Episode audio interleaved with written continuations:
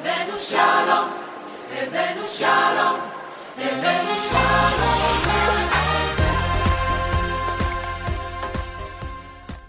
Shalom saudaraku, selamat bertemu kembali. Senang kita bisa bertemu kembali dalam acara obrolan keluarga bahagia. Nah, sesi pertama ini kita akan dengar beberapa pandangan tentang apa itu bahagia. Mari kita dengarkan berikut ini. Apa yang akan kita lakukan hari ini? Apa yang bisa kita lakukan? Untuk orang lain? Atau hanya untuk diri kita sendiri? Hidup tampak sulit. Bisakah kita berjalan dengan yang lain tanpa merugikan orang lain? Tanpa mengambil hak orang lain.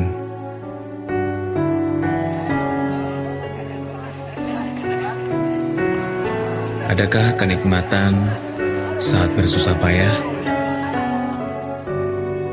Di mana letak kebahagiaan itu? Saat berada di atas dibandingkan yang lain.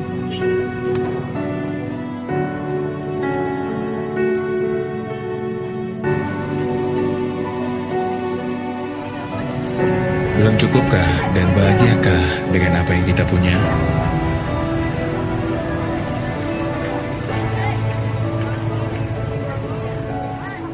Ataukah sudah? Aku telah menjadi saksi karena aku tahu bahwa bahagia itu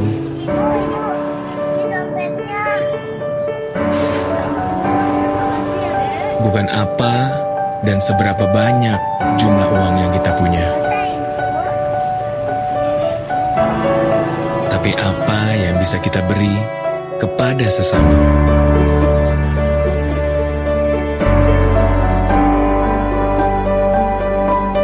Saat di tengah kesulitan dan saat terjatuh, bahagia itu akan selalu hadir dari orang-orang sekitar.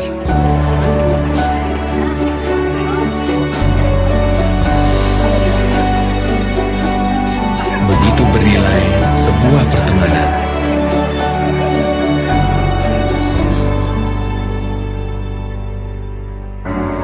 Masa di mana kita di titik terendah, kebaikan pun akan menghampiri. Buka dan maknai apa yang kita lihat. Rasakan bahwa bahagia itu akan hadir saat kita mensyukuri apa yang ada.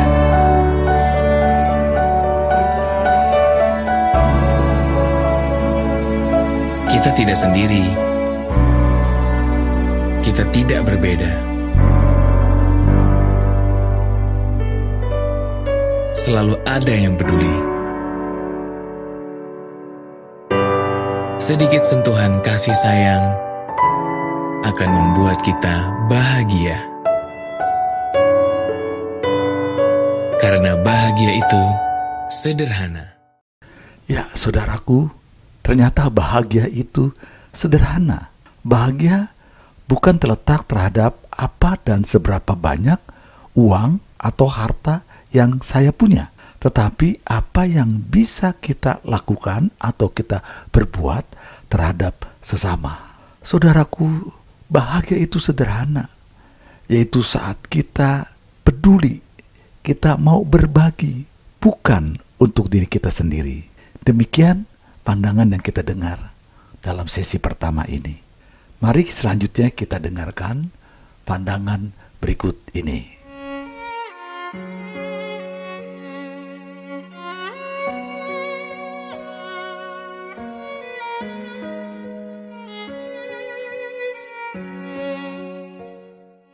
Hidup ini indah, asalkan kamu bisa menghargainya.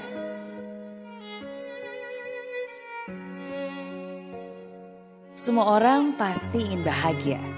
Semua orang mencari berbagai cara untuk bisa bahagia. Sebenarnya, apa bahagia itu? Dan bagaimana cara mendapatkannya? Jawabannya sederhana. bersyukur akan apa yang kamu punya, dan berterima kasih segala anugerahnya.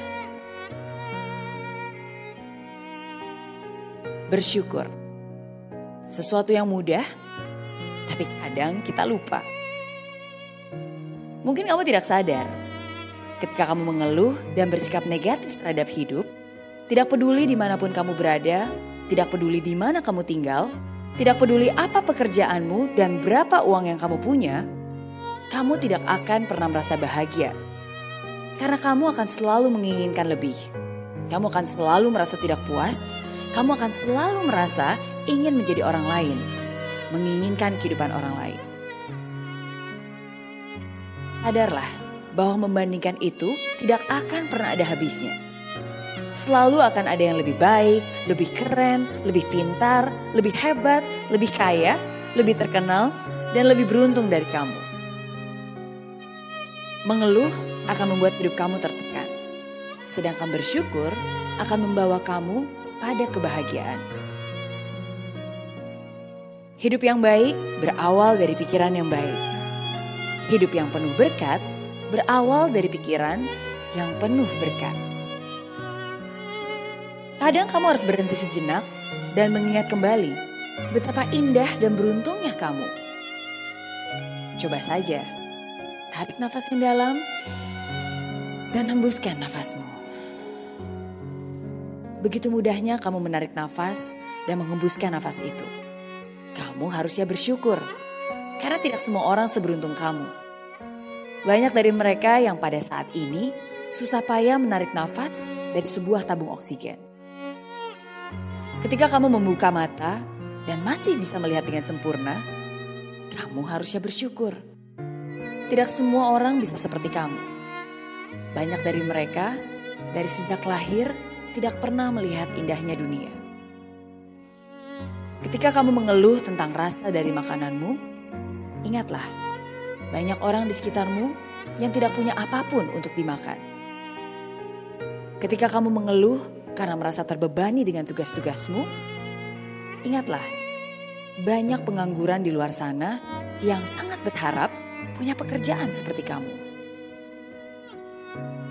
Sesulit apa pun situasi kamu pada saat ini, seberat apa pun cobaan itu, sadarlah, selama kamu masih hidup, itu artinya Tuhan masih sayang banget sama kamu. Berterima kasihlah, karena tidak semua orang diberi kesempatan itu. Ingat, setiap hari memang tidak selalu baik, tapi pasti ada kebaikan dalam setiap harinya. Ketika kamu dihadapkan dengan kesulitan, bersyukurlah, karena di situlah kamu akan bertumbuh. Ketika kamu merasa tidak mampu, bersyukurlah, karena itu akan memacumu untuk lebih maju. Ketika kamu bertemu dengan masalah, bersyukurlah, karena itu yang akan membuatmu lebih dewasa. Ketika kamu berbuat kesalahan, bersyukurlah, karena itu akan memberikanmu pelajaran berharga. Bahkan ketika kamu gagal pun, bersyukurlah, karena itulah cara Tuhan mengajari kamu arti kesungguhan. Jangan menunggu bahagia dulu baru bersyukur, tapi bersyukurlah, maka kamu akan bahagia. Hidup itu indah, asalkan kamu bisa menghargainya. Ya saudaraku, kembali kita dengar sebuah pandangan apa itu bahagia. Kembali kita dengar bahwa bahagia itu sederhana. Selama kita mau mensyukuri dan berterima kasih atas semua anugerah yang Tuhan berikan kepada kita. Jangan pernah mengeluh atas apa yang sedang kita alami. Jangan pernah mengeluh atas apa yang kita miliki saat ini. Ingatlah di luar sana masih banyak orang yang ada di bawah kita. Bersyukurlah selalu, berterima kasihlah, maka saudara adalah orang yang paling berbahagia karena dapat mensyukuri atas semua yang Tuhan telah beri. Haleluya.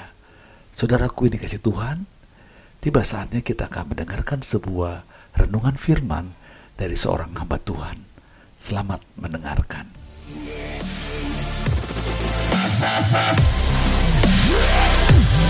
Apa itu hidup bahagia? Dan saya mengatakan hidup bahagia adalah pilihan. Saudara mungkin masih ingat, hidup bahagia adalah pilihan cara berpikir. Hidup bahagia adalah pilihan direction atau posisi arah kehidupan. Hidup bahagia adalah pilihan companion.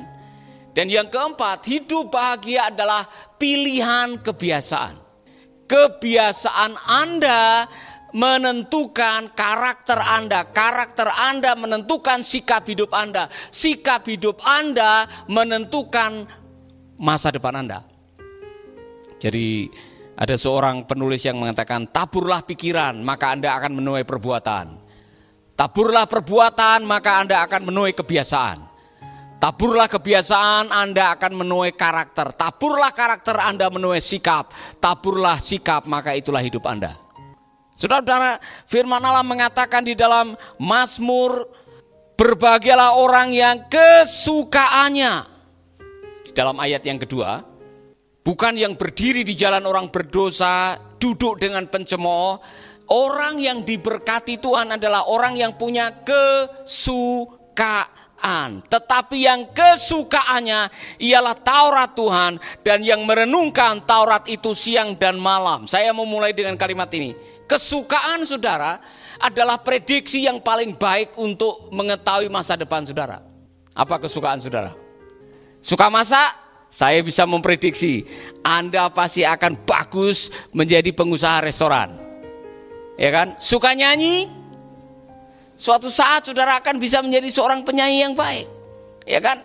Suka ngerumpi, Anda pasti akan menjadi pembuat hoak yang paling luar biasa. Ya kan?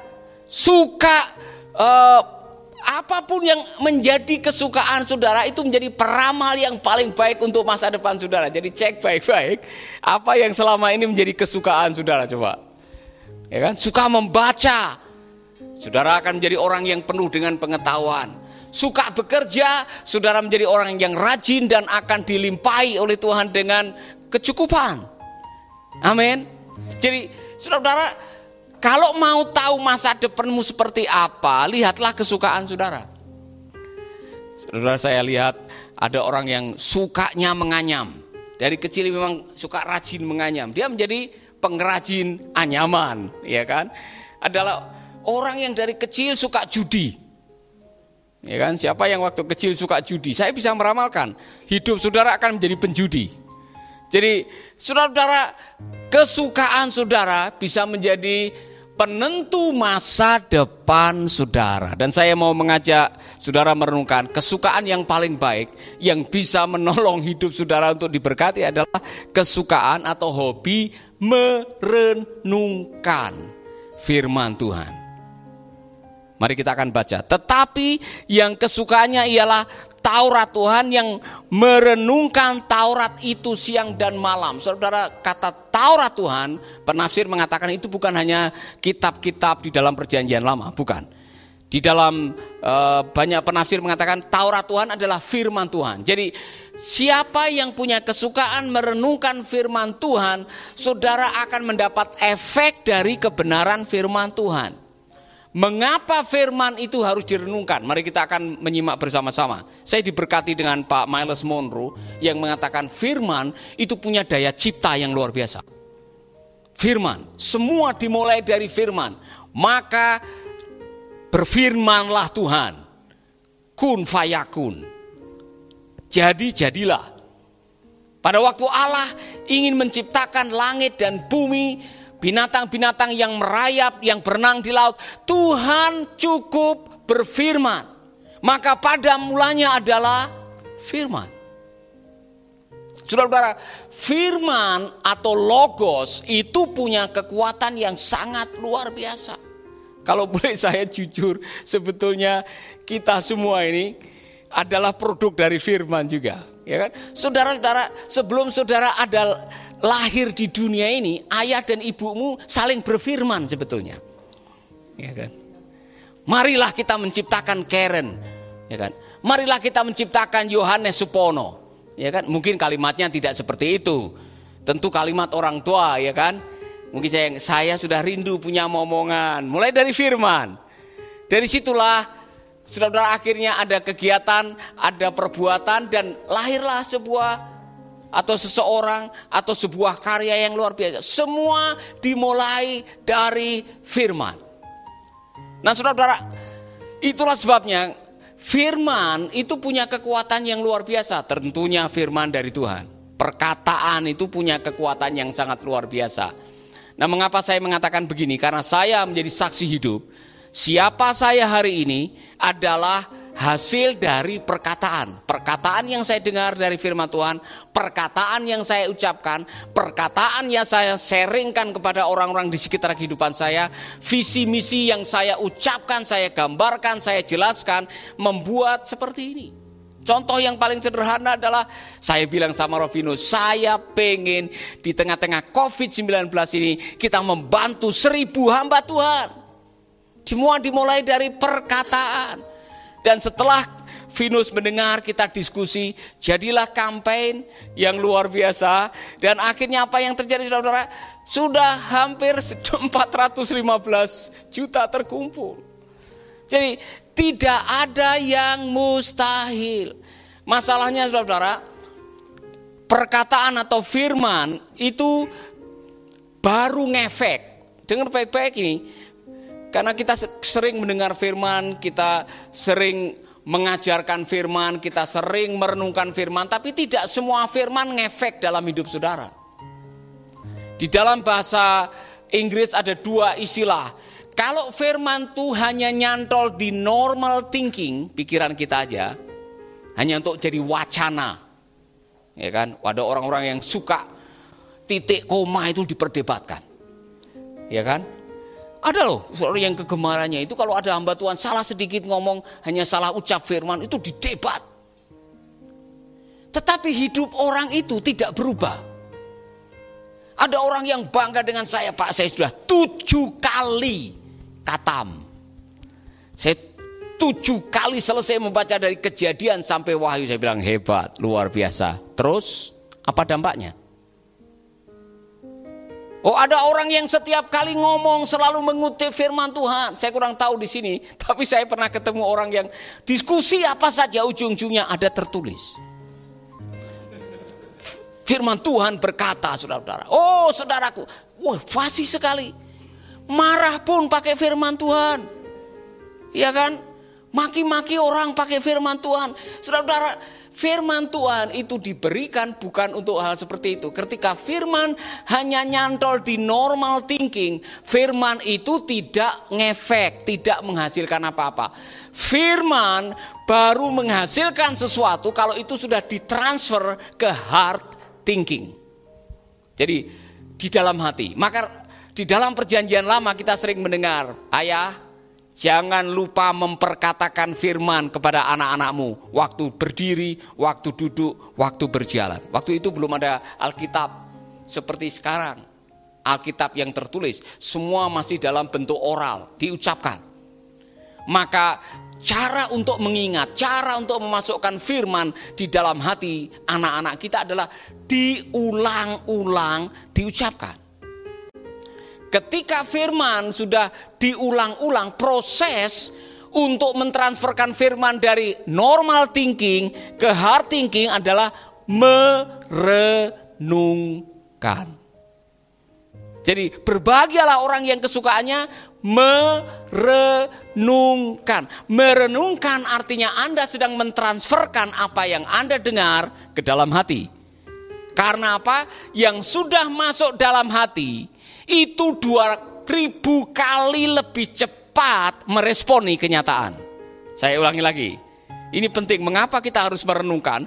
Karena firman yang sudah nyantol di sini, firman yang sudah masuk dalam hati, firman yang sudah ada di dalam uh, heart thinking, itu akan mendikte kelakuan saudara.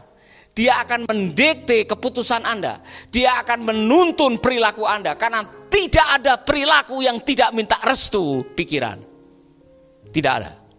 Semua kelakuan kita direstui oleh pikiran. Saya mendengar Pak Rick Warren mengatakan waspadai true lies. Waspadai kebohongan-kebohongan yang kita anggap benar. Karena cara Anda atau cara iblis menjatuhkan Anda adalah lewat kebohongan atau membohongi saudara. Hawa tolong kasih tahu apa kata Tuhan mengenai makanan itu. Oh kami boleh makan yang ini.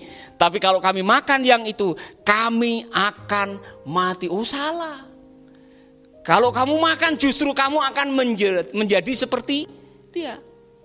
Ketika Anda percaya kepada kebohongan, Anda pada akhirnya akan terperangkap dalam kejatuhan. Jadi benar yang dikatakan Pak Rick Warren, semua dosa ada hubungannya dengan kebohongan. Semua, semua kita jatuh dalam dosa karena kita meragukan kebenaran. Mengapa Anda meragukan kebenaran? Karena kebenarannya belum nyantol di dalam hati saudara. Maka Anda tidak punya kekuatan untuk melawan kebohongan. Di dalam diri kita ini sudah ada perpustakaan kebohongan.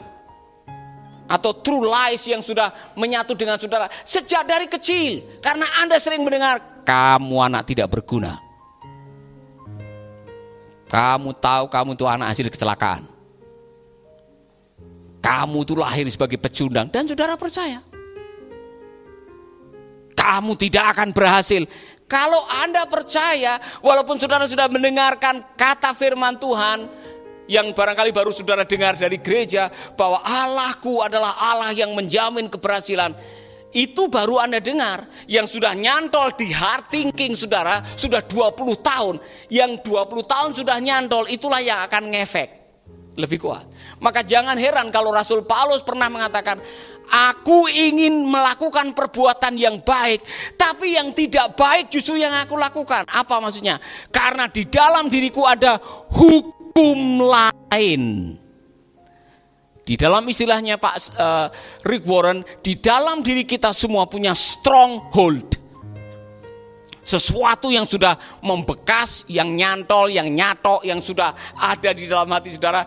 Dan itu sulit. Dan Anda tidak akan pernah bisa berubah, Anda tidak akan pernah bisa berhasil kalau belum bisa menggeser konsep-konsep yang salah yang selama ini saudara izinkan.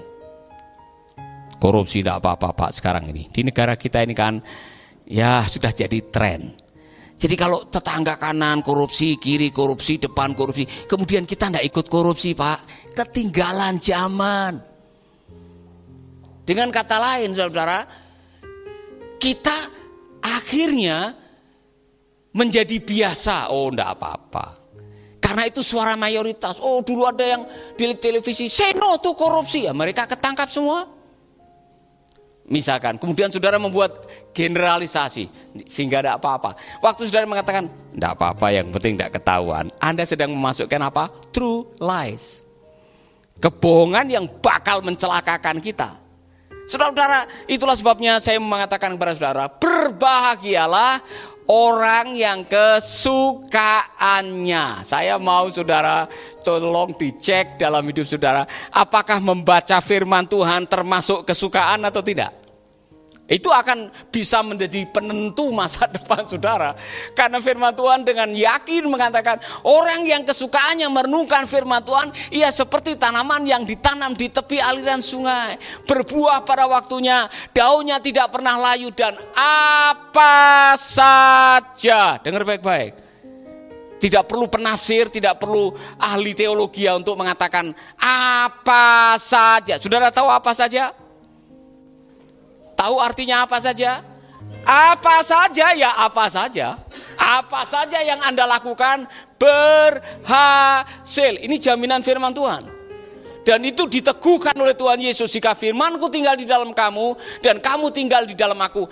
Minta apa saja maka Bapa di surga akan memberikannya. Itu sesuai dengan apa yang dikatakan oleh Yakobus 1 ayat 25. Berbahagialah orang yang kesukaannya meneliti hukum yang sempurna, bukan mendengar kemudian melupakannya, tetapi yang benar-benar tekun melakukannya. Orang itu akan dibuat bahagia oleh perbuatannya. Saudara-saudara, saya berkali-kali mengatakan ini. Kalau mersi Indonesia bisa dibawa oleh Tuhan sampai di titik ini, menjadi berkat bagi banyak orang. Itu semua karena firman Tuhan. Amin. 20 tahun yang lalu kita memulai dengan nol, tidak punya apa-apa. tidak punya apa-apa. Saya katakan tidak tahu mau bagaimana. Tetapi pada waktu Tuhan mulai menaruh itu di dalam hati. Dan saya percaya apa yang pernah diucapkan oleh malaikat kepada Maria. Sebab bagi Allah tidak ada yang mustahil. Itu kalimat. Zaman itu waktu saya baru bertobat. Ada lagu yang memberkati saya. Saya tidak tahu bagaimana yang yang saya nyanyikan, yang saya yakini adalah ini benar. Lagu ini tidak tahu apa ada yang masih ingat. Tiada mustahil bagi dia. Oh, tiada mustahil. Luar biasa lagu itu. Kalimat itu, saudara, walaupun kelihatannya singkat, kalimat kebenaran yang Anda hidupi anda izinkan kalimat itu untuk mendekte pikiran, perasaan, dan kehendak Anda. Satu kata, satu kebenaran itu bisa mengubah sisa hidup saudara. Amin. Jadi pada mulanya adalah firman. Maka kalau Anda menjadi orang yang kesukaannya merenungkan firman, Anda akan dibuat terkejut oleh Tuhan dengan setiap karya Tuhan setiap hari yang terjadi dalam hidup saudara. Haleluya. Amin, saudara-saudara. Bagaimana dengan kesukaan saudara? Sudah menjadi kesukaan atau keharusan? Membaca firman adalah kesukaan atau keharusan? Beda, beda efeknya. Ada orang yang membaca, oh kalau saya tidak habis dua pasal nih saya berdosa di hadapan Tuhan. Sehingga saudara membaca ayat firman Tuhan untuk menghapus rasa bersalah. Tapi ada orang yang merenungkan firman tiap pagi membaca bukan untuk menghapus dosa, tapi untuk mendapat pewahyuan, itu beda. Firman harusnya menolong saudara setiap hari mendapatkan rema, kebenaran yang sudah menyatu seperti kebenaran daripada Mazmur ayat yang kedua, berbahagialah orang yang kesukaannya merenungkan firman Tuhan. Saudara-saudara langsung bisa dilihat. Jadi orang yang diberkati bukan hanya orang yang suka merenungkan firman Tuhan.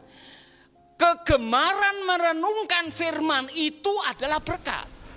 Saudaraku, kita kembali diingatkan oleh firman Tuhan hari ini. Sama seperti pendahuluan kita diingatkan bahwa sesungguhnya bahagia itu sangat sederhana. Saat seseorang mau berbagi atas apa yang dia miliki, bukan untuk dinikmati sendiri, tapi saat dia peduli terhadap orang lain, itu akan memberi kebahagiaan. Saat sesuatu itu disyukuri, dihargai, bukan untuk dikeluhkan, tetapi disyukuri, dihargai. Orang yang penuh dengan rasa syukur adalah orang yang berbahagia. Sebaliknya orang yang selalu mengeluh atas apa yang ada dalam hidupnya bukanlah orang yang berbahagia. Dan firman Allah pada pagi ini mengingatkan kita bahwa berbahagialah orang yang mengenal Yesus yang mengizinkan Yesus bertakhta di hatinya. Orang yang mengizinkan Yesus bertakhta di hatinya, pada akhirnya tabiatnya akan diubah. Tabiat yang buruk diubah menjadi manis. Pikiran-pikiran negatif diubah menjadi pikiran-pikiran yang positif. Hal-hal yang mungkin bagi orang lain menyedihkan diubah menjadi sukacita sesuatu yang dikeluhkan diubah Tuhan menjadi sesuatu yang disyukuri karena Yesus tinggal di dalam hatinya. Berbahagialah orang yang kesukaannya adalah pendengar firman Allah yang mengizinkan firman Allah tinggal dan berkuasa dan memimpin kehidupannya. Demikianlah saudaraku obrolan kita hari ini, apa itu bahagia? Saudaraku, biarlah kita boleh memanfaatkan renungan-renungan pagi yang dikirim melalui media podcast GSJ Good News, kiranya itu akan membuat kita semakin mengenal kehendak Tuhan dalam hidup kita, mengizinkan firman Allah memimpin dan menguasai hati kita.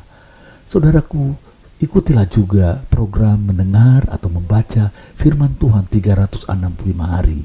Dan saudara, jika ingin mendengar obrolan-obrolan, kami juga telah mengirimkan podcast orkestra yang saudara bisa dengar topik-topik yang selalu kita obrolkan setiap hari melalui radio tercinta kita ini. Sampai jumpa, Tuhan Yesus memberkati. shine.